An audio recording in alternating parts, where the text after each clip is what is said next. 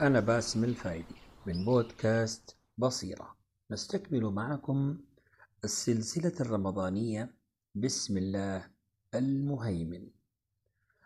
نضمر في أنفسنا آمالا وهموم وصعوبات مختلفة ونجعلها قيد الكتمان ونقف أحيانا عاجزين أن نتجاوزها رغم آلامها.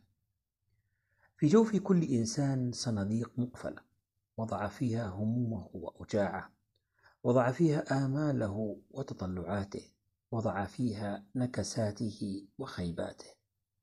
وقد أطبق عليها وأقفلها في جوفه فلا يعلم بها أحد إلا الله سبحانه. المسيطر على مجريات الكون وأقدارنا ذو الفضل والكمال. يعلم السر وأخفى. يعلم كل حركة وسكنة. إن تكلمت فهو يسمعك وإن تحركت فهو يراك وإن أخفيت فهو يعلم يحول بينك وبين قلبك.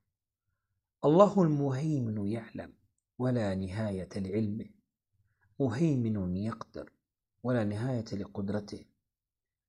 وحتى هذا القلب يعلم ما فيه يعلم ما يؤرقه ويسعده يعلم ما يحركه ويؤلمه. لذا توكل على الله المهيمن والجأ إليه.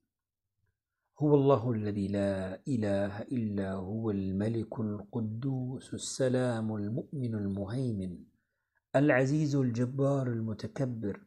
سبحان الله عما يشركون. قال الطبري رحمه الله وأصل الهيمنة الحفظ والارتقاب. يقال إذا رقب الرجل الشيء وحفظه وشهده قد هيمن فلان عليه فهو يهيمن هيمنة وهو عليه مهيمن. فهو المهيمن الذي خلق كل شيء الذي لا حدود لعلمه المتفرد بالقوة المطلقة. المهيمن القادر يفعل ما يشاء. فتوكل عليه لأنه يعلم صبرك وتوكلك ويعلم إيمانك ومحبتك له. يعلم سرك وجهرك. يعلم نيتك وهيئتك لأنه المهيمن وحده جل في علاه.